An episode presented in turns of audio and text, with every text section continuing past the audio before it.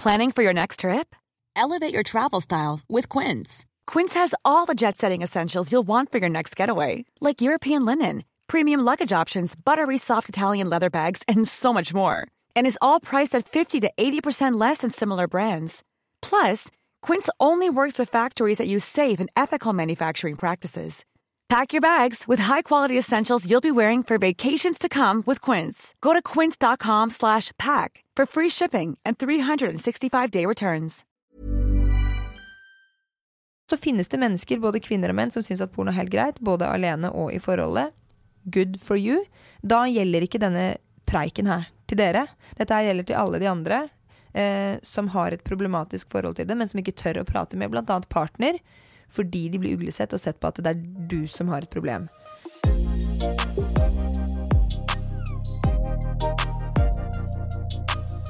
Velkommen til Input, podkasten som gir deg ny input i livet.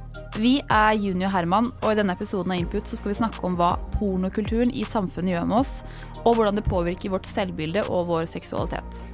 For i en verden der porno og Onlyfans er nærmest hverdagskost, så er det ikke til å stikke under stol at dette påvirker oss alle på en eller annen måte. Sannsynligvis bare på litt ulike måter. Føler du at du påvirkes av pornokulturen i samfunnet, Herman? Jeg vet ikke om jeg påvirkes av pornokulturen, men det er kanskje fordi at ikke jeg vet nok om pornokulturen. Altså, jeg tenker at uh, vi alle blir påvirket av alt som skjer i sosiale medier, på internett. Det er liksom sex overalt. Det bare oser sex i alle sosiale mediekanaler, i måten folk kler seg på. Hva vi lærer om, hva vi utsettes for på internett. Altså, det er liksom boom. Det er overalt, da. Men om det er pornokulturen, eller om det er uh, bare kulturen som folk er en del av, og at det stammer fra pornokulturen. I don't know. Jeg vet ikke. Hva tenker du? Eh, jeg tror nok at jeg påvirkes i den grad av liksom litt de der eh, utseendeidealene som på en måte har liksom grobunn i pornoen. Da. Så spesielt tenker jeg for jenter og jenters utseende, hvordan man får veldig sånn inn i monitor at det skal være store pupper og svære rumper og digre lepper, og at alt skal være så ekstremt da, og veldig langt fra det som er egentlig naturlig, og som egentlig har liksom en funksjon om å bare være tiltrekkende i en sånn type setting. Da. Eh, så jeg tror nok at det er kanskje det som har påvirket meg mest. Det å være liksom litt sånn tro mot eh, hvem jeg er og hva som er viktig for meg, og at jeg ikke ønsker å være et produkt av det samfunnet, på en måte. Så eh, selvfølgelig selvtillitsmessig, der har jeg hatt mye å jobbe med, og tror at det sikkert har noe med liksom dette, denne tematikken å gjøre, da. Eh, og så er det et eller annet med liksom, hva som skjer i, i par, et parforhold eh, på bakgrunn av dette her, og ikke minst i seg selv, og det vil vi jo veldig gjerne finne litt mer ut av, da. Helt klart. Dagens gjest det er en dame som virkelig er på alles lepper om dagen. Ikke bare er hun utdannet sexolog og har gjennom sin grensesprengende podkast G-punktet bidratt til å endre hvordan vi snakker om sex i Norge. I 2021 alene så kan hun skilte med å ha skrevet en bestselger, 'Iselin snakker om sex'. Hun var en av hovedpersonene i TV 2-serien Bloggerne, og hun ble også tildelt Vixen Influencer Award sin aller gjeveste pris, Årets influenser. En dame med mange jern i ilden, med andre ord. I dag så er vi så heldige at hun er her for å snakke om hva pornokulturen gjør med samfunnet, og hva det egentlig gjør med oss. Det er derfor en stor glede å kunne ønske velkommen til Input Iselin Guttormsen! Tusen takk! Og så skal vi snakke om mitt favorittema porno! Ja. Blant annet. eh, Ja. Ja, absolutt. Hvordan er det å sitte her i ditt eget podkaststudio, liksom på andre siden av mikrofonen? Du, dette er veldig interessant, og merkelig nok så blir jeg litt sånn nervøs. Nei, Vi er jo supergira, og vi tenker jo også at det er jo veldig fett å få med liksom Norges største og mest ufiltrerte sextalerør i monitor. da. Og det er jo et eller annet med å liksom få det ut til unge og gi et litt annet bilde på det samfunnet som vi har rundt oss i dag, og faktisk bli litt bevisst om hva det kan gjøre med oss da, over tid. Så eh, vi gleder oss veldig til å bli bedre kjent på deg. Å, så, så lære mer. Ja, så hyggelig. Ja, altså, jeg tenker Vi har uh, mange ting på agendaen i dag. Eh, men jeg tenker før vi går i gang med denne agendalisten, kan ikke du, Iselin Guttormsen, gi litt input om deg selv? Om meg selv? Ja, Ja, Uh, ja, jeg heter Iselin Guttormsen. Jeg blir 35 år når denne kommer på lufta. Eh, og så har jeg to barn. To helt råe, kule, fete damer på ni og fem år. damer. Ja, jeg sier damer. Ja. Jeg sier damer, det er fete damer. Eh, og så um, er jeg jo sexolog og driver podkasten G-punktet. Og så er jeg jo veldig opptatt av eh, kropp og seksualitet. Og også både individuelt, men også sånn samfunnsmessig. Eh, hvordan vi ser på kropp og seksualitet i samfunnet. Eh, ikke minst porno. Eh, og ikke minst da pornografiens negative påvirkningskraft. Eh, for det kan finnes mye fint med porno også. Eh, men det er ingen hemmelighet at den negative virkningen av porno er ganske stor. Og da tror jeg at verden sånn på generell basis, i hvert fall fram til nå, har hatt litt sånn skylapper på øynene og vil ikke helt innse det. For kom for faen ikke her og kødd med pornoen vår, ikke sant? For det, det må ikke skje. Og, så snakker jeg ofte om disse vanlige problemene da, som par går igjennom eh, i livets forskjellige faser. Og sexlyst osv. Jeg har jo skrevet boken 'Iselin snakker om sex'. Jeg har uh, lest den. Ja, du har det, så gøy! Ja, men Så fint, hyggelig! Og der også er det jo liksom det å Folk lurer liksom på Iselin, du preiker så mye, men hva har liksom alt det du preiker om om, om, eh, om likestilling, feminisme, likeverd, patriarkatet, kjønnsroller i samfunnet, alle disse tingene her, hva i alle dager har det med sexlyst, eksempel, i senga å gjøre? Eh, og da ble det sånn Det har alt med det å gjøre. Så alt det som skjer i senga, eh, det handler om det som skjer utenfor senga. Men hvorfor, hvorfor valgte du å gå inn i dette og bli sexolog? Jeg har jo alltid vært veldig mm, opptatt av kroppen. Og vært sånn, sånn rar eh, sånn rart barn, egentlig. Jeg var veldig stolt av alle disse tingene som skjedde med meg da, under puberteten og tenårene og sånne type ting. Så når jeg for første gang fikk hår på tissen, for eksempel, jeg var dritstolt. Altså, jeg gikk rundt og så gredde jeg liksom kjønnshårene oppover. For du får det jo ikke foran her sånn på Venusberget, du får, det liksom sånn på leppene, da, ikke sant. Og jeg var så skuffa over at ingen kunne se at herregud, jeg har fått hår på tissen. ikke sant? Hvor gammel var du da? Um, hva, hva er man der? 11, 11, Ja, 11 år eh, typ? Liksom? Ja, jeg, bare, jeg bare husker i hvert fall for min egen del, så var det liksom, det var så veldig forskjellig, da. Ja, Ikke sant? ja, På ja. barneskolen så var det jo noen, og det var kanskje da ikke så fett å være den eneste. Men så var det ikke så fett å henge igjen langt ut i ungdomsskolen heller. Nettopp. Og det er jo, gutta, dere henger jo etter når det kommer til eh, altså puberteten. Puberteten deres starter litt senere enn puberteten hos oss jenter. Um, men, um, og det har jo også kanskje vært en av tingene som har vært uh, en av hovedårsakene til hvorfor jeg har lyst til å ta det studiet jeg uh, har tatt, og snakke høyt om de temaene jeg brenner for. Eh, det er også med tanke på seksualundervisning på skolen, og all denne sårbare perioden i tenårene. Hvor du går gjennom så mange kroppslige forandringer og følelser og hormoner, og det er sex og det ene og det andre. Og så prater vi altså så lite om det. Eh, vi kan se på lystproblematikk hos kvinner, og menn også, men i større grad veldig ofte kvinner. Eh, og vi kan se på eh, orgasmegapet, f.eks. Det er flere menn enn kvinner som oppnår orgasme. Eh, men samtidig så er det flere kvinner i lesbiske forhold. Som, de oppnår mer orgasmer enn kvinner som er i heterofile forhold. Eller har sex da, med det motsatte kjønn. Ok, hva sier det? Hva sier det? Og så snakker vi så lite om dette her, og så er det så mye skam, og så tror vi at vi lever i en eh, liberal verden. Og så er vi vant med porno og hele den biten der. Og så bare er det bare Det, det er bare en grøt med masse surr og følelser. Eh, og viktige ting man egentlig bør snakke om, men som man bare gjemmer under teppet fordi det er flaut. Men det er jo et eller annet med det der når noen faktisk tør å prate om det. For jeg tror i hvert fall Norge, sånn som det har vært kanskje til nå, da, så Mm. har man vært så veldig redd for å stikke seg ut, og i hvert fall redd for å snakke om sex. Så det er et eller annet med å tørre å gå først. Og Ja. det, det er det jeg opplever du har gjort, og du har gjort på podkasten. At du faktisk har gått først, og at folk har turt å åpne seg og dele om ulike erfaringer som gjør at andre kan kjenne seg igjen og ta det til jeg. Å, takk. Men det kan jeg si, det er en av de tingene som er, er det jeg har utvikla meg mest, kanskje, gjennom studiet, men også gjennom det å ha podkasten og prate med så mange forskjellige gjester. Det er jo nettopp dette her med at eh, jeg har gått eh, inn i studiet eh, eh, når jeg gjorde det den gang da, eh, med ganske sånn, eh, sånn sinne og sånn hat mot mannen. Ding! altså sånn, liksom, jeg har regler, vært sånn Jeg har vært så drittlei menn, liksom. Sånn måten de har behandla meg på, men også hvordan jeg ser at man behandler kvinner generelt på. Eh, og så har jeg kanskje etter hvert lært meg at eh, menn er også bare et produkt av det samfunnet vi lever i. Eh, så hvordan kan man da eh, endre den, denne måten å tenke på da, rundt kjønnsroller og kvinnesyn, og hvordan man skal oppføre seg mot kvinner i senga og eh, ellers i livet. Og det er jo en ganske sånn skremmende utvikling som vi ser også. Altså, Norge vi topper alle statistikker i hele Europa når det kommer til bruk av porno, f.eks., eh, blant barna våre.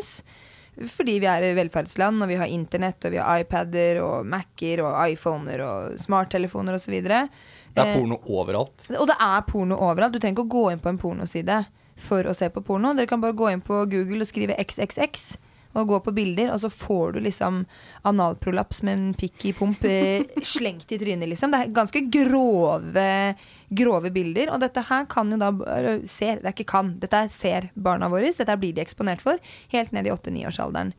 Og hvis man ikke tror eller tenker eh, og kan forstå at det vil påvirke hvordan man ser på kropp og ser på, eh, ser på, ser på mennesket, eh, så er det ganske naivt. Og jeg har vært, når jeg skrev hovedoppgaven min om pornografiens negative påvirkningskraft, så dro jeg også litt sånn paralleller med empati, fordi seksualiteten på lik linje med empatien utvikler seg jo gjennom hele livet vårt.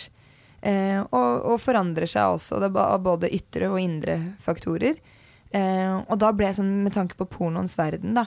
Hva skjer med empatien til et menneske når du blir eksponert for ganske grove ting?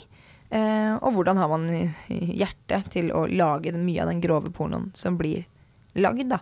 Eh, hvordan klarer du å stå og se på dette her, og hvordan klarer du å utnytte mennesker i, på den måten som det ofte blir gjort i, denne, i store deler av den møkkete bransjen da, som porno faktisk er.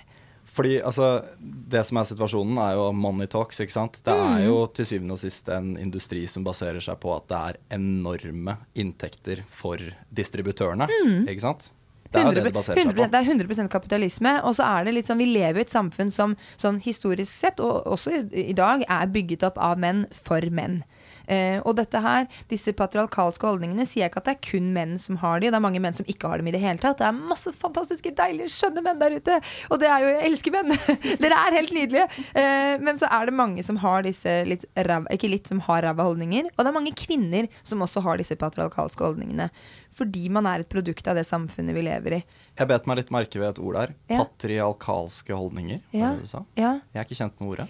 Eh, patriarkatet det er jo på en måte Det er jo en sånn samfunnsstruktur som er bygget opp av menn. Da, for, for, kort forklart for å gjøre eh, livet jævlig mye diggere og lettere for mannen, rett og slett. Så det betyr at jeg ikke er en del av det, siden ikke jeg vet hva det er? Eh, jo, du kan fint ha disse holdningene uten at du selv vet at du har de. Eh, men det er den stereotypiske, litt den typiske mannen er sterkere enn kvinnen, mannen tjener mer enn kvinnen, derfor har mannen mer han skulle ha sagt. Eh, mannen er sterkere, smartere, hele den biten der. Eh, veldig disse stereotypiske eh, holdningene der. Og så tenker man at det, så kan den moderne mann i dag i Norge sitte og si at ja, men sånn er ikke jeg. Men, men så er det mange holdninger som viser at jo, men du har fortsatt eh, dette synet på, på disse forskjellige kjønnsrollene. Eh, mann og kvinne, disse stereotypiske kjønnsrollene.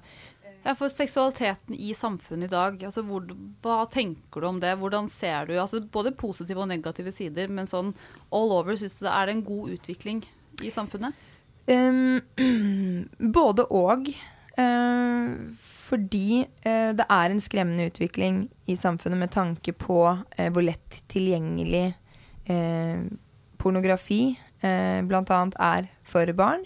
Og så ser man også hvor ofte kvinner blir seksualisert.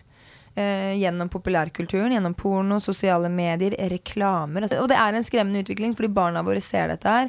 Og jeg ser også min eldste datter, som nå går i fjerde klasse. Jeg har bevisst eh, eh, Jeg har bevisst en sperre på telefonen, sånn at du ikke kommer inn på YouTube. Og så kan du tenke YouTube, herregud, er, er det så farlig? Eh, men så ser man at de barna som er ekstremt opptatt av kropp i den klassen, de barna som er ekstremt opptatt av å være sexy når du er ni år gammel, eh, og som er redd for å gå i bikini foran gutta i klassen fordi man er redd for at gutta ikke skal like dem lenger, eh, som er opptatt vel, altså, De er de som på en måte er på eh, TikTok, eh, og som er på YouTube. Og så kan jeg spørre hvor, hvor, hvor har dere sett dette? Da? i Kardashian, for eksempel. Da, ikke sant? Eh, så inne på YouTube også ligger det altså så mye drit tilgjengelig. Og veldig mange av disse japanske og kinesiske disse TikTok-greiene fra Asia spesielt, med de tynneste damene som skal gå forbi to stolper, og så bare istedenfor å gå rundt, så skal de gå gjennom og gjøre seg tynnest mulig. Det ligger sånne life hacks til hvordan føle deg fin når du skal ut på byen. Og, der, og lager de sånn typisk sånne YouTube-greier med morsomme lyder og effekter og sånn. Og så er det en dame, hun står sånn, og så ser hun seg i speilet, og så ser hun litt sånn undrende ut i lufta, og bare sånn Og så henter hun kjolen, for hun skal ut, da. Så filmer hun kjolen, den skal hun ta på seg på byen, og så tar hun den på seg, og så ser hun seg i speilet, og så bare Mm, og så klemmer hun seg liksom litt i dette flesket. Hun er ikke fornøyd, det ser ikke helt bra ut. Og så, så får hun en lyspære over seg. Hun har en idé, og så henter hun Gladpack og bare surrer inn hele magen. Sant? Så tar hun på kjolen, og så bare bling, bling. Det blir sikkert en liksom hyggelig kveld på byen, tenker jeg. ja, men, ikke sant? Og dette her sitter da niåringer og ser på. Ikke sant? Og hva, hvis du ser på dette og får dette som input hver eneste dag, så er det klart at da gjør det noe med hvordan du tenker at ok, du plukker bare opp at ok, det er viktig å ikke ha det fleskegreiene. Um, og den utviklingen er bare blitt mer og mer skremmende fordi at alt dette materialet er så lett tilgjengelig. For du har jo et helt annet perspektiv på sex i samfunnet enn det vi har. Men har du noe sånn begrep om hvor det gikk galt? Altså mm. hvor fra på en måte Igjen, vi sitter jo ikke på denne kunnskapen, men mm. hvor hen gikk det galt? Oh, det er et stort spørsmål, for det eh, du kan jo gå helt tilbake til noen oppstandelsen av patriarkatet, liksom. Eh, for det har jo på en måte vært holdninger som har vært med på å bygge opp, som gjør at det er enklere eh, og og vært enklere for menn å bygge opp et samfunn som er tilpasset dem, da. Eh, og for kvinner så har det på en måte kanskje også vært litt sånn, sånn overlevelse, da. Altså, jeg husker på ungdomsskolen så skrev jeg en særoppgave, var det vel? eller vi skulle i hvert fall skrive en oppgave om et yrke. Eh, altså liksom sånn om yrker, da. Eh, og da jeg vet, Altså, jeg skrev da om prostitusjon. Det starta, starta tidlig. Ja, starta. Og det Verdens det, eldste yrke? Ja, verdens eldste yrke. Uh, og det uh, fant jeg i bokhylla hos mamma og pappa. Uh, og det var liksom prostitusjon. Verdens eldste og også hardeste yrke. Og når du som kvinne da, som et resultat av av holdninger til kvinner og patriarkat og ikke har stemmerett osv. Og, så og man eh, ser at eh, du får ikke rett på skolegang, du, får, du, har ikke muligheten til å utdanne deg.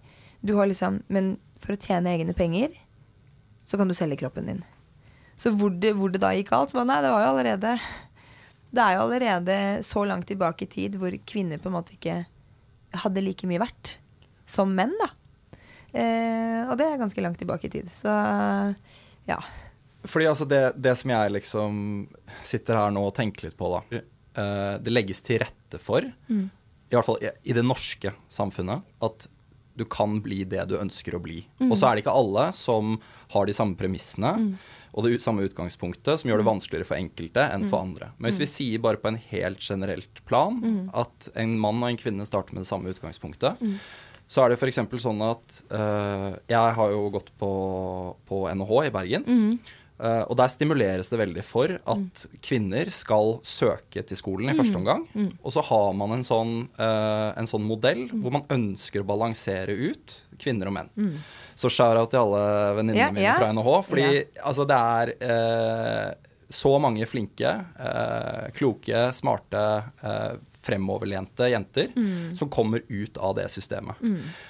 men sånn på en grunnleggende, på et grunnleggende plan da, så er jo poenget det at hvis du ønsker det, mm. så kan du få til det. Mm. Men, men, det vi egentlig snakker om her, er jo litt at samfunnet og det vi har rundt oss, mm. påvirker underbevisstheten vår. Mm. Det er jo mm. der den påvirkningen kommer, som mm. gjør at man føler det behovet for å kanskje selge kroppen sin på Onlyfans, da.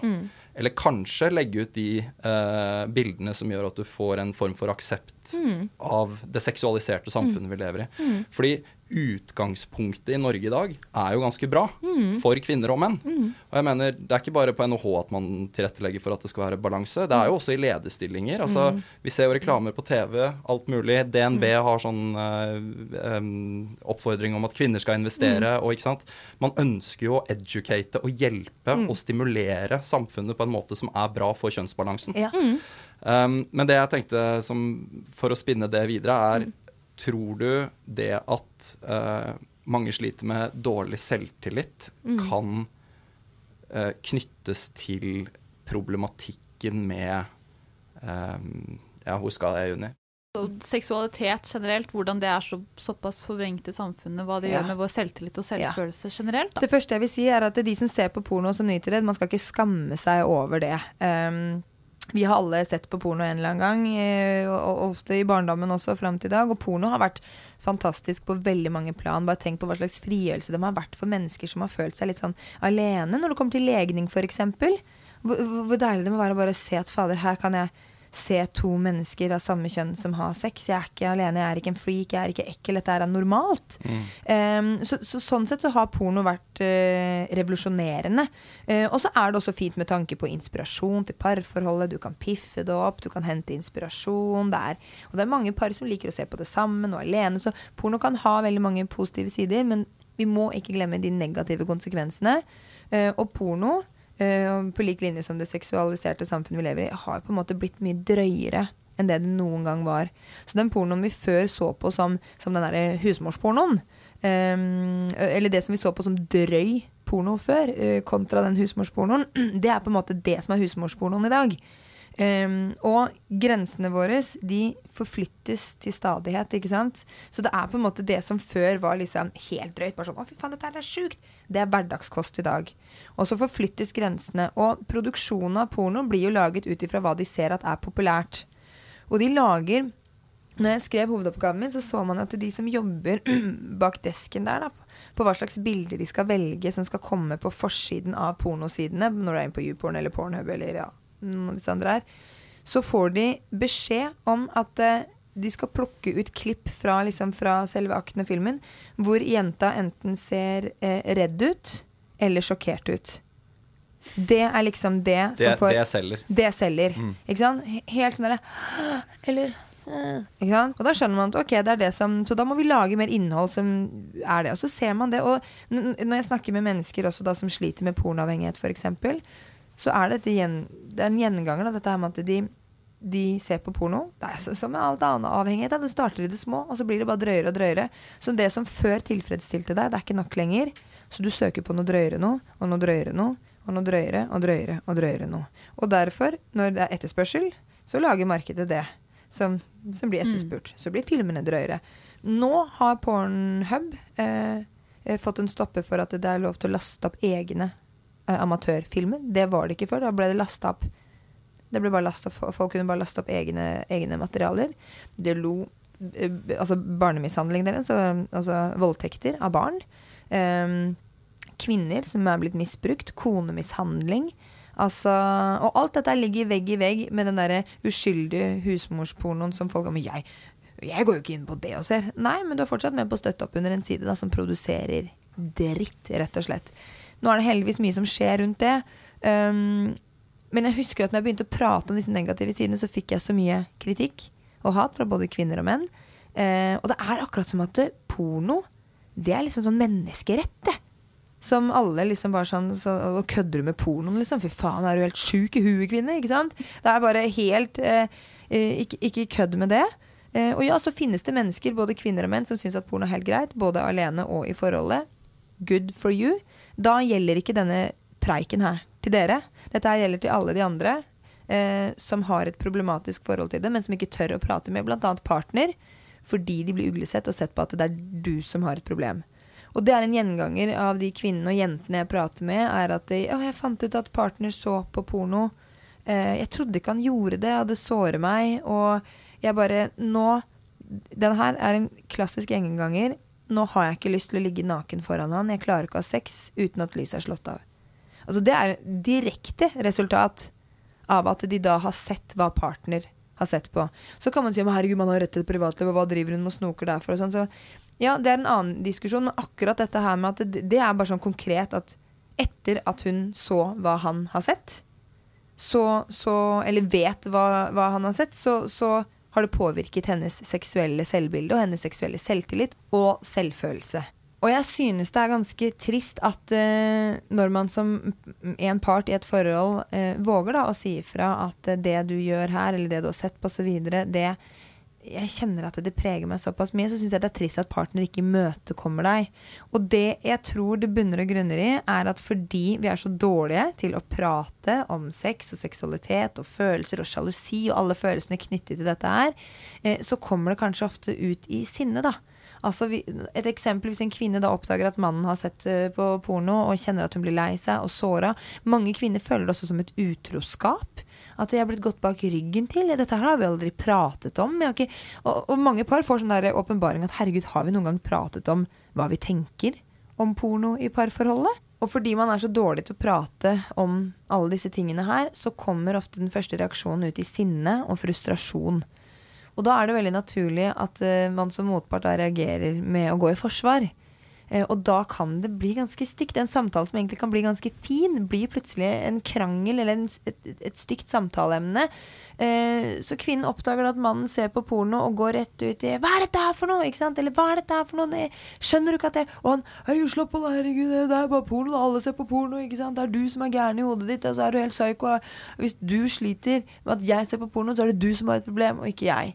Um, og det er så trist at det ender sånn, istedenfor at man kan si at vet du hva, jeg fant ut, eller jeg så at du har sett på det, eller jeg har forstått at du ser på det, og jeg vil bare at du skal vite at av en eller annen grunn, eller det er ikke så veldig rart heller, men jeg kjenner på at det plager meg fordi eh, det påvirker selvtilliten min. Jeg kjenner nå at ikke jeg klarer å, å, slippe meg så løs som jeg ønsker seksuelt med deg i senga. For jeg har bare tanker av deg som sitter og tenner på noen andre. Uh, og da er det mye lettere også for motpart å si 'herregud, det visste jeg ikke'. Sorry, det har jeg ikke tenkt på. Skal vi sette oss ned og prate? Det er liksom den dialogen man bør ha rundt det. Men det jeg ser, er at det er dessverre sjelden det som skjer. Og så sånn på generell basis at man har en holdning om at porno er så naturlig.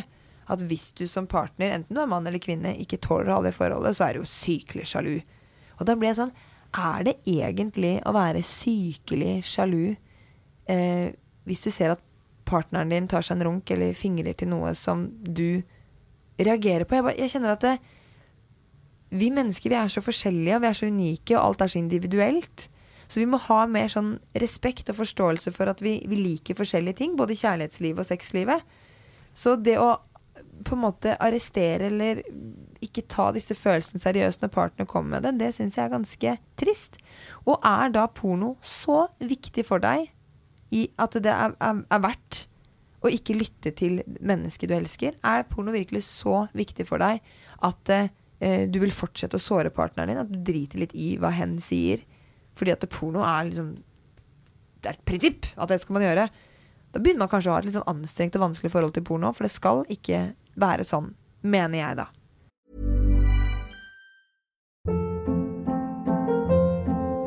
Hold up. What was that? Boring. No flavor. That was as bad as those leftovers you ate all week. Kiki Palmer here, and it's time to say hello to something fresh and guilt-free. Hello Fresh. Jazz up dinner with pecan-crusted chicken or garlic butter shrimp scampi. Now that's music to my mouth. Hello Fresh. Let's get this dinner party started. Discover all the delicious possibilities at hellofresh.com.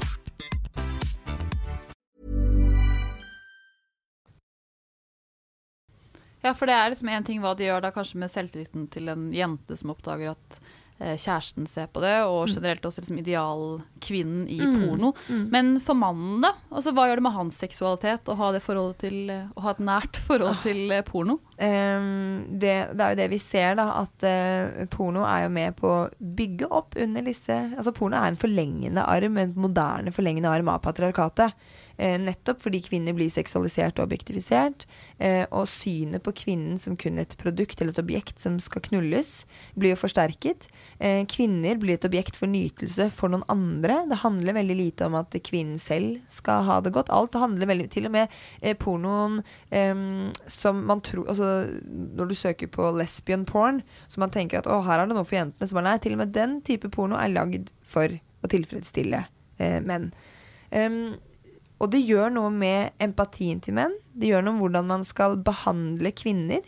Eh, og da spesielt i senga. Men jeg tror også du får dår, en dårligere holdning til hvordan eh, behandle kvinner med respekt ellers i livet også. Fordi du blir lært opp til at kvinner er jo et produkt som skal nytes.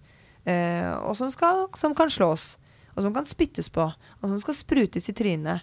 Altså hvor du skal dytte pikk fra munn til ræv til, eh, til vagina. Altså rundt omkring. Um, altså hun er bare et liksom kjøttstykke som, som, bare skal brukes. Og så hører jeg liksom alle disse her som bare Ja, men mange pornoskuespillere er der eh, frivillig, og det er altså bare, Ja, de finnes, de òg, men majoriteten og veldig mange er der uh, under kontrakter de ikke kommer seg ut av. Um, de er i sårbare situasjoner. Det er pengepress, altså det er human trafficking. Altså det er mange ofre i en pornoproduksjon. Eh, og det er jo fordelen ved at vi nå begynner å prate om, om, åpent om disse tingene her, er at det nå begynner å bli laget mer etisk porno. Hvor man vet at menneskerettighetene blir ivaretatt til alle ledd i en produksjon av en pornofilm. Um, og det er jo den ene siden av porno. Altså, altså menneskene som er i den. Menneskerettigheter som blir ivaretatt osv. Men så er det den andre siden av porno, hvordan det påvirker oss mennesker. Um, for selv om eh, pornofilmer som blir laget, er, laget, eh, altså er etiske, eh, så vil det fortsatt bli laget eh, porno som kan påvirke parforholdet eller mennesket som individ for det. Um, og der tror jeg på en måte vi må bare være litt mer sånn Ha litt mer respekt um, og forståelse for at noen mennesker syns at porno er helt greit, mm. og noen syns at porno ikke er det. Ja, fordi det er jo et eller annet med at, som vi nå også har vært inne på, hvordan det påvirker liksom, kvinnens selvfølelse. Men med mm. mannens selvfølelse, så mm. se, helt liksom ut, uavhengig av hvordan det selvfølgelig tar, går utover deres handling mot mm. kvinner generelt. Men hva tror du det gjør med mannen? Altså med altså, hans selvbilde ja, og er, hans selvfølelse i møte med porno, da? Ja, det er klart det er, det er uh, mye. Uh, blant annet usikkerhet til eget utstyr. Da, ikke sant? Er pikken min svær nok? Er den stor nok? Klarer jeg å holde den lenge nok? Spruter jeg nok? Er det liksom Eller hvis du møter en kvinne som ikke har lyst til å gape så mye over pikken din som de i porno, så blir det sånn Er det noe gærent med meg? Er jeg ekkel? Har jeg ikke fi... Altså, kroppspress. Ikke, altså, spesielt dette her med penisstørrelse. eh, og at du skal være han machomannen som bare klarer å holde ut i alt. Det er veldig lite følelser knyttet til dette her. Hva hvis du har lyst som, eh, lyst som mann, da? Du har ikke lyst til å bare eh, kjøre på og knulle dama di opp etter hardt og brutalt. Du, du, har en dame du er forelsket i, som du elsker over alt på jord, og du vil bare ha liksom eh, Altså slow sex, da. Mm. Altså making love, ikke sant. Mm. Altså, du har bare lyst til å Elskov. Veldig, veldig sånn tørt ord. Men, men, du har lyst til å ha elskov rett og slett da, med partneren din. Du har lyst til å være nær og intim. Og mange menn jeg prater med, de sier at det er liksom den beste sexen. Når du har liksom denne intimiteten og den nærheten, og man ser hverandre. Og mange menn sier også at de syns noen ganger det er vanskelig å skulle rævkjøre, holdt jeg på å si, dama de elsker, fordi at du betyr så mye for meg. Eh, og så Hvis du da er oppvokst med masse porno og du ser at det er bare sånn du kjører på, så undergraver du på en måte ditt eget følelsesliv knyttet til seksualiteten. Og det er jo veldig trist, fordi at vi vet jo at eh, altså alt av følelser eh, nedentil og, og, dette med å nyte sexen, det henger sammen med, med, hva som skjer i hodet, og hva som skjer i hjertet. Og da føler jeg på en måte at hjertet og hodet blir liksom kobla av når du ser så mye på porno, at du bare går rent på sånn bare sånn mekanisme, liksom. Du bare går på sånn autopilot. Og det igjen kan jo påvirke kvaliteten av, uh, av orgasmen osv. Da. Mm. Så da det er Ja. Fordi altså, jeg, jeg, ble ganske overrasket. Jeg gjorde litt research før vi kom inn her, ja. og havnet inn i The Great Porn Experience, ja. som du kanskje er kjent med. Mm. Um, og det er jo en uh, fyr som, hvis ikke jeg tar helt feil, heter uh, Gary Wilson. Mm. Um, han holdt da et foredrag på TEDX. Mm. Og i korte trekk så tar han da eh, lytterne gjennom eh, denne reisen som begynner med at internett introduserer porno. Mm -hmm. eh, at eh, unge menn begynner i tiårsalderen å se mm. på det. Og hvilke fysiske og psykiske effekter det har på individet. da. Mm. Og det som eh, jeg syns var veldig interessant der, det er at når du er ti år gammel, så er hjernen i et utviklingsstadie mm. der du er ekstremt uh, absorberende på det som skjer. Og dette her fører rett og slett til at du kan utvikle både eh, avhengighet som følge av at du er mottakelig eh, rent utviklingsmessig. At disse sanseinntrykkene de setter seg så dypt at det å da komme ut av en sånn dårlig spiral, det tar lang tid igjen. Og jeg bare bedt meg merke i noen av effektene som kommer fra overkonsum av porno, og ikke minst hvor lite som egentlig skal til. Fordi i disse studiene her, og nå blir det veldig mye jeg som snakker, Ja, men jeg syns, er dette her var så jævlig spennende. Dette er veldig spennende og veldig viktig. Veldig viktig. Og eh, det skal ikke mer enn tre timer pornotitting i uka. Og da snakker vi om eh, at du har en halvtime hver dag, og så har du søndagen fri. Eh, holder søndagen hellig, ikke sant? Ja, ja, ja. Eh, men en halvtime hver dag, da. Det er nok til at du får en reduksjon i gråmaterien i hjernen, som igjen eh, fører til ganske mange, eller potensielt fører til ganske mange dårlige negative effekter, både psykisk og fysisk. Eh, du har utdannet deg om dette, her, så du kjenner sikkert til det jeg refererer til. Eh, kan ikke du bare kort liksom bare pitche noen av de effektene, dårlige negative effektene som kommer av pornokonsum, overkonsum av porno? Ja, det er jo annet det du har nevnt, eh, det du har nevnt nå. Også empatien, eh, empatien vår. Eh, Jeg så også en svensk eh, de, de har laget en svensk dokumentar om det, og svenskene ligger litt lenger fram enn oss. Eh, Og da går de virkelig inn og ser på hjerneaktiviteten. Hva er det som skjer inni hjernen, liksom, når Uh, Og jeg har ikke sett hele, men, det, men den er ganske interessant. Og når du ser på også Når de ser på kriminalsaker, blant annet, Uh, og de går inn og ser på grove kriminalsaker med mord, og uh, så ha, ser du disse incels, da. De som, menn som hater kvinner. Fordi man sliter med dårlig selvbilde, dårlig selvtillit. Eh, du føler at du ikke eh, har kjangs på de damene du ser ute i det virkelige liv. Men du tyr til porno. Og på porno så kan du se, og der, der kan jo hvem som helst få muligheten til å knulle en deilig dame. Så der trenger du egentlig ikke å tenke på empati eller kjærlighet eller det å behandle et menneske med respekt, for der skal det bare knulles. Så det ødelegger veldig sånn det fundamentale synet på hvordan man skal uh, være da, mot det motsatte kjønn spesielt. Um, og da ser man i disse kriminalsakene også at det, det altså nesten hver eneste gang er masse, masse grov porno på, mm, på PC-ene til eh, disse gutta her.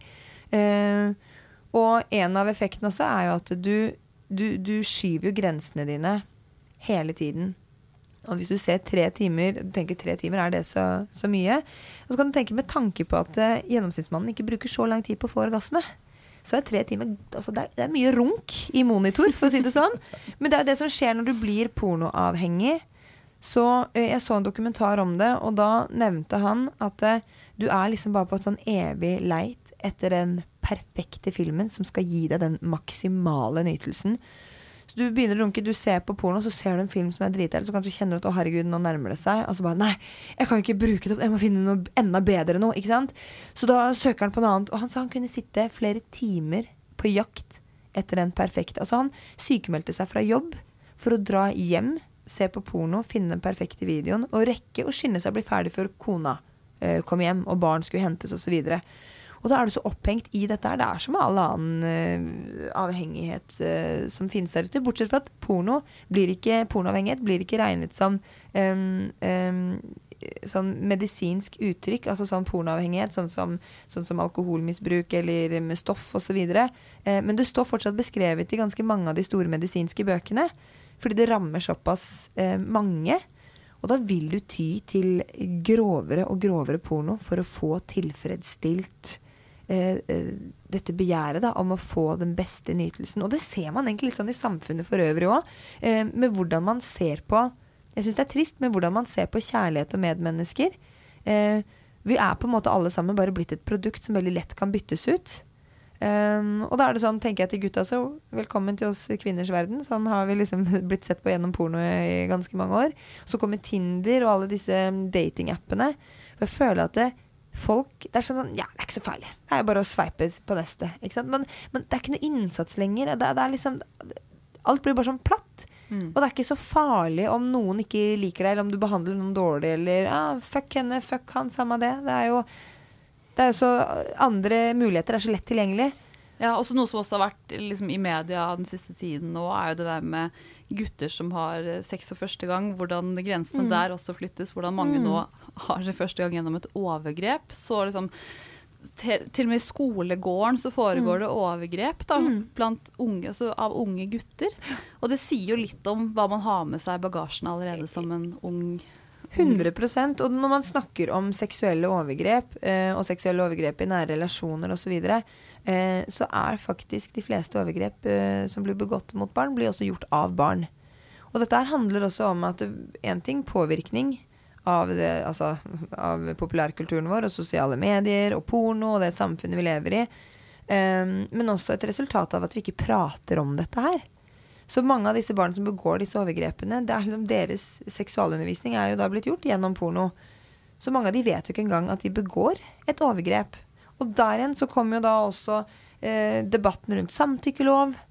Hvor viktig den er. Og der er jeg så drittlei, for å være helt ærlig, av å høre motargumenter som at ja, men herregud, tenk hvis det er mange menn som, som uskyldig blir dømt for voldtekt. Eh, og da vil jeg bare si at denne samtykkeloven gjelder for å beskytte både menn og kvinner, nettopp fordi veldig mange menn vet ikke engang at de begår et overgrep. Hvor går grensen mellom sex og overgrep? Og at de grensene er blitt helt sånn i gråsone, er ikke så rart til. For pornoen vi ser, så er det ganske greit mye dritt eller sånn voldelig atferd. Og nedverdigende atferd, spesielt fra mann til kvinne, som, som blir normalisert på. Så at porno påvirker oss i en negativ retning. 100 Jeg har fått mye kritikk for at jeg har gått så hardt ut mot uh, porno, og veldig mange ler litt av det. Sånn, 'Å, herregud, rødstrømpe, feministkamp' og sånn. Sånn, Det handler om så mye mer enn det. Det handler ikke om kvinner som er drittlei av den kåte mannen, grisete mannen som sitter og runker. Og det, det handler om så mye mer enn det. Det handler om de grunnleggende verdiene i mennesket som blir påvirket i så stor grad. Det handler om hvordan vi vil at barna våre skal vokse opp. Og porno det er kommet for å bli. Det kommer ikke til å være borte. Eh, det, det- kommer alltid til å være der, og det kommer alltid også til å være lett tilgjengelig for barn. Twitter er den største pornosiden, eh, faktisk, for det deles så mye pornografisk innhold der, og der er det ikke noen aldersgrense. Du kan bare gå inn der og se på porno i fri flyt. Um, og så lenge det vil være der, så må man jo bare fortsette å prate så åpent som dere nå gjør også, da, i denne episoden her av, av Input, som er kjempeviktig. Så jeg håper at seksualundervisning og tematikker som det her eh, kommer inn i lærebøker, rett og slett, og at det skal bli en del av pensum på skolen. Jeg skulle mye heller ha lært om disse tingene her i ung alder eh, enn algebra. Ja, og, og så er det et eller annet med sånn, utviklingen av oss som enkeltindivid, og av vår egen seksualitet også. Hvordan å liksom, finne sin seksualitet, som er veldig vanskelig, da, med alle disse inntrykkene og alle tingene, alle merkelappene på hva du skal være, ikke være, hva som er bra og dårlig, hva som er en kul dame og en døll dame, og hva som er en mann som er for maskulin og for feminin. Og Det gjør det veldig vanskelig også i møte med en partner, kanskje, å liksom vite ok, hva liker jeg, hva er bra, når har man et bra samliv, når er det dårlig, og litt nærme ja, hvilket utgangspunkt man går inn i den settingen sammen også, da. Mm, jeg er helt enig, og det, og jeg, og det er vanskelig å kommunisere om rundt sex. Det, altså, sånn, eller syns veldig mange, da. Jeg syns ikke det. Eh, men, men, men, eh, og alt dette her med samtykke og sånne type ting. Folk syns det, Blir ikke det veldig sånn eh, stakkato? Blir ikke det litt sånn hakk i plata? Akkurat som du skal ta på deg kondom. Ikke sant? Det ødelegger litt av. Så er det, er det én ting jeg kan tenke meg, i hvert fall nå som jeg er singel, og når eh, samfunnet åpner igjen og jeg skal begynne å møte nye mennesker, så tenker jeg at er det én ting som er sexy. Det er hvis et menneske liksom sier til meg at jeg har Altså, jeg liker deg så godt, og nå står vi her, vi er, du har blitt med hjem, eller vi er altså jeg, Du har blitt med Altså, i det hele tatt. Og bare 'jeg har så lyst på deg'. Eh, altså, har du lyst? Tenkte jeg bare Da hadde jeg bare tenkt at fy faen, så, så fint at du spør, og så fint at du på en måte snakker om det. Så, så det å kommunisere og snakke rundt og så handler mye om trygghet også. Og det er det jo forsket på også, at eh, barn spesielt som har hatt en fin dialog hjemme, og som har et åpent forhold til kropp og seksualitet hjemme, hjemmefra, fra foreldre eller andre voksne, de debuterer mye senere seksuelt. Eh, og de debuterer tryggere. Altså både med en partner som de er trygg på, som de stoler på, men også da med prevensjon og kondom osv. Så, videre. så det er, liksom, det er ikke noe farlig å prate om sex. Og hvis man tenker at det, å nei, huff, vi kan ikke prate om sex, og det i barna våre, så bare ja, Men åtteåringen din, han sitter, han sitter og ser på gangbag, deep throat, uh, anal fist uansett.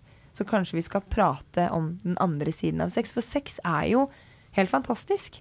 Sex er nydelig, det er vakkert, det er rått, det er eh, dirty, det er alle disse fine tingene. Og så føler jeg at det blir, og mener jeg, at det blir veldig ødelagt da, slik vi som samfunn har utviklet oss og er i ferd med å utvikle oss. Men vi er heldigvis også på, på den andre siden såpass åpne blitt nå at eh, Og også igjen da, paradoksalt nok, takket være sosiale medier, så blir vi også enda mer opplyst. Fordi det finnes så mange fine kontoer. Det finnes så mange eh, kamper der ute. Mennesker som tar disse kampene. Det finnes så mange fine podcaster som tar opp disse temaene og snakker om det. Så på sånn sett så kan man kanskje takke sosiale medier som på en måte Og at porno har blitt så lett tilgjengelig for at alle nå kan se hvor lett tilgjengelig det faktisk er, og hvor skadelig det er. Ja, vi må educate litt, grann. Bare, ja, rett og slett. ja, faktisk. Og det er ikke noe moralsk pekefinger. Nei, ikke det er det ikke noe moralsk pekefinger, det er rett og slett educate. Ja. Og så kan folk velge hva de vil med den informasjonen de får. Du, vi har fått så masse bra info, og noe av grunnen til at du også ble invitert hit i dag, er jo nettopp fordi vi ønsker å liksom styrke unges liksom selvtillit og selvfølelse rundt sex, nettopp da, og få litt den inputen her på hva de vanene våre og de tingene som omgir oss, hva det gjør med oss. da. Så liksom helt til slutt her så er det et eller annet med om vi kunne fått liksom konkret input fra Iselin Guttormsen om hvordan å forbedre selvtillit knyttet til vår egen seksualitet. Hvor bør vi starte? Vi, vi har noen øvelser, da, vi sexologer, som vi bruker for at folk skal bli litt trygge i seg selv. Um, og det, en av de er jo også ganske sånn enkelt. En sånn øvelse hvor du skal si fine ting til deg selv i speilet. Når du våkner på morgenen. Skryt av deg selv, skryt av kroppen din, skryt av egenskapene dine. Bare boost deg selv litt. Sånn som salgsfolk gjør før de skal ut og selge viktige boliger, eller hva det måtte være for noe. Du må, du må styrke egoet ditt litt. Um, og så tror jeg det kan være viktig, spesielt for unge mennesker, å um, avfølge um, profiler på sosiale medier som de kjenner at gir dem en dårlig selvfølelse og selvtillit. Det tenker jeg at det er helt fair. Så hvis du har profiler som du kjenner at du bare du påvirker deg på en negativ måte, bare ta en pause fra det. For det påvirker mer enn det man, enn det man tror. Om det er treningsprofiler eller moteprofiler eller sminkeprofiler eller sexologprofiler eller hva det måtte være. Avfølg hvis det gir deg en negativ vibe. Um, og så handler det å komme i kontakt med seg selv, da. Og det er litt sånn, Skal man snakke med tenåringer om at ta på deg selv i dusjen og bli kjent med deg selv? Men det er faktisk mye av det det innebærer. Uh, og jenter også, ta fram speilet, se på underlivet ditt. Se hvordan det faktisk uh, ser ut. Uh, se også kanskje gjennom ehm, gjennom, ehm, gjennom syklusen din også. Se, ser du forandringer når du har menstruasjon f.eks. Når du har eggløsning, er det mer hovent? Altså bare bli kjent med eget eh, underliv, og ta på deg selv og bli kjent med deg selv. For hvordan skal du vite uh, hva du trenger i sexlivet ditt med en partner hvis du ikke vet det selv? Og det tror jeg mange kan kjenne seg Jeg kjenner meg i hvert fall veldig igjen i det. At jeg har hatt masse sex fra jeg var 14 og oppover. Men det er ikke før etter eh, fylte 30, tror jeg, at jeg virkelig har hatt et godt sexliv. Fordi jeg har satt egen nytelse i fokus. Så det mm, Jeg tenker at eh, Og så tr- tror jeg at folk må også være klar over at mannfolk bruker kortere tid på å komme. Vi kvinner bruker lengre tid. Uh, Guys, be patient. ja, be patient. Ja, men be patient. Og så er det Å, herregud, jeg kan, jeg kan sitte og snakke i evigheten, for det der er så komplekst. Det er så Det er så Det er så, det er så omfattende. Eh, men det, det å bli glad i seg selv, og akseptere seg selv, og respektere seg selv, og elske seg selv, og være i fred med den man er, og hvordan man ser ut, det er en ganske sånn stor og vanskelig oppgave. Så jeg er veldig glad, dessverre, for at jeg ikke er ung i dag. Eh, men da håper jeg at det, en av de gode tingene de kan gjøre, det er å lytte til podcaster. Eh, lese fine kronikker om disse temaene, og lese fine bøker. Og se Jeg må, jeg må anbefale Iselin snakker om sex. der, Ja, altså. Iselin, Iselin snakker om sex. Jeg vil også anbefale Gleden med skjeden. Som også er en fantastisk fin bok. Og så fins det masse, eh, masse fine dokumentarer, bl.a. på Netflix osv., som tar for seg disse temaene her. Um, så det handler om kunnskap, da. Jeg tror jo mer kunnskap du også sitter på, jo mer trygg blir du. Og jo mer avslappa forhold får du kanskje til din egen kropp også, da. Um, ja. Det var, det var veldig bra. Vi får nesten begynne å runde av, da. Ja. men det var helt fantastisk å ha deg her. Og for å få så god input om et tema som angår oss alle sammen i så stor grad. Og kan lære folk litt som de kanskje ikke tør å oppsøke selv. Det setter vi kjempepris på. Og takk for at jeg fikk komme, og takk for at dere lager denne podkasten. Takk skal du ha. Takk skal du ha. Og med det sier vi tusen takk for praten, og for Iselin sin input, og Stay put. for more input.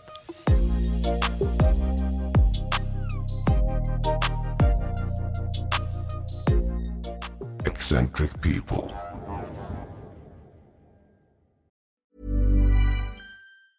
Planning for your next trip? Elevate your travel style with Quince. Quince has all the jet setting essentials you'll want for your next getaway, like European linen, premium luggage options, buttery soft Italian leather bags, and so much more. And is all priced at 50 to 80% less than similar brands. Plus, Quince only works with factories that use safe and ethical manufacturing practices. Pack your bags with high-quality essentials you'll be wearing for vacations to come with Quince. Go to quince.com slash pack for free shipping and 365-day returns. Ever catch yourself eating the same flavorless dinner three days in a row? Dreaming of something better? Well, HelloFresh is your guilt-free dream come true, baby. It's me, Gigi Palmer. Let's wake up those taste buds with hot, juicy pecan-crusted chicken or garlic butter shrimp scampi. Mm. Hello Fresh. Stop dreaming of all the delicious possibilities and dig in at HelloFresh.com. Let's get this dinner party started.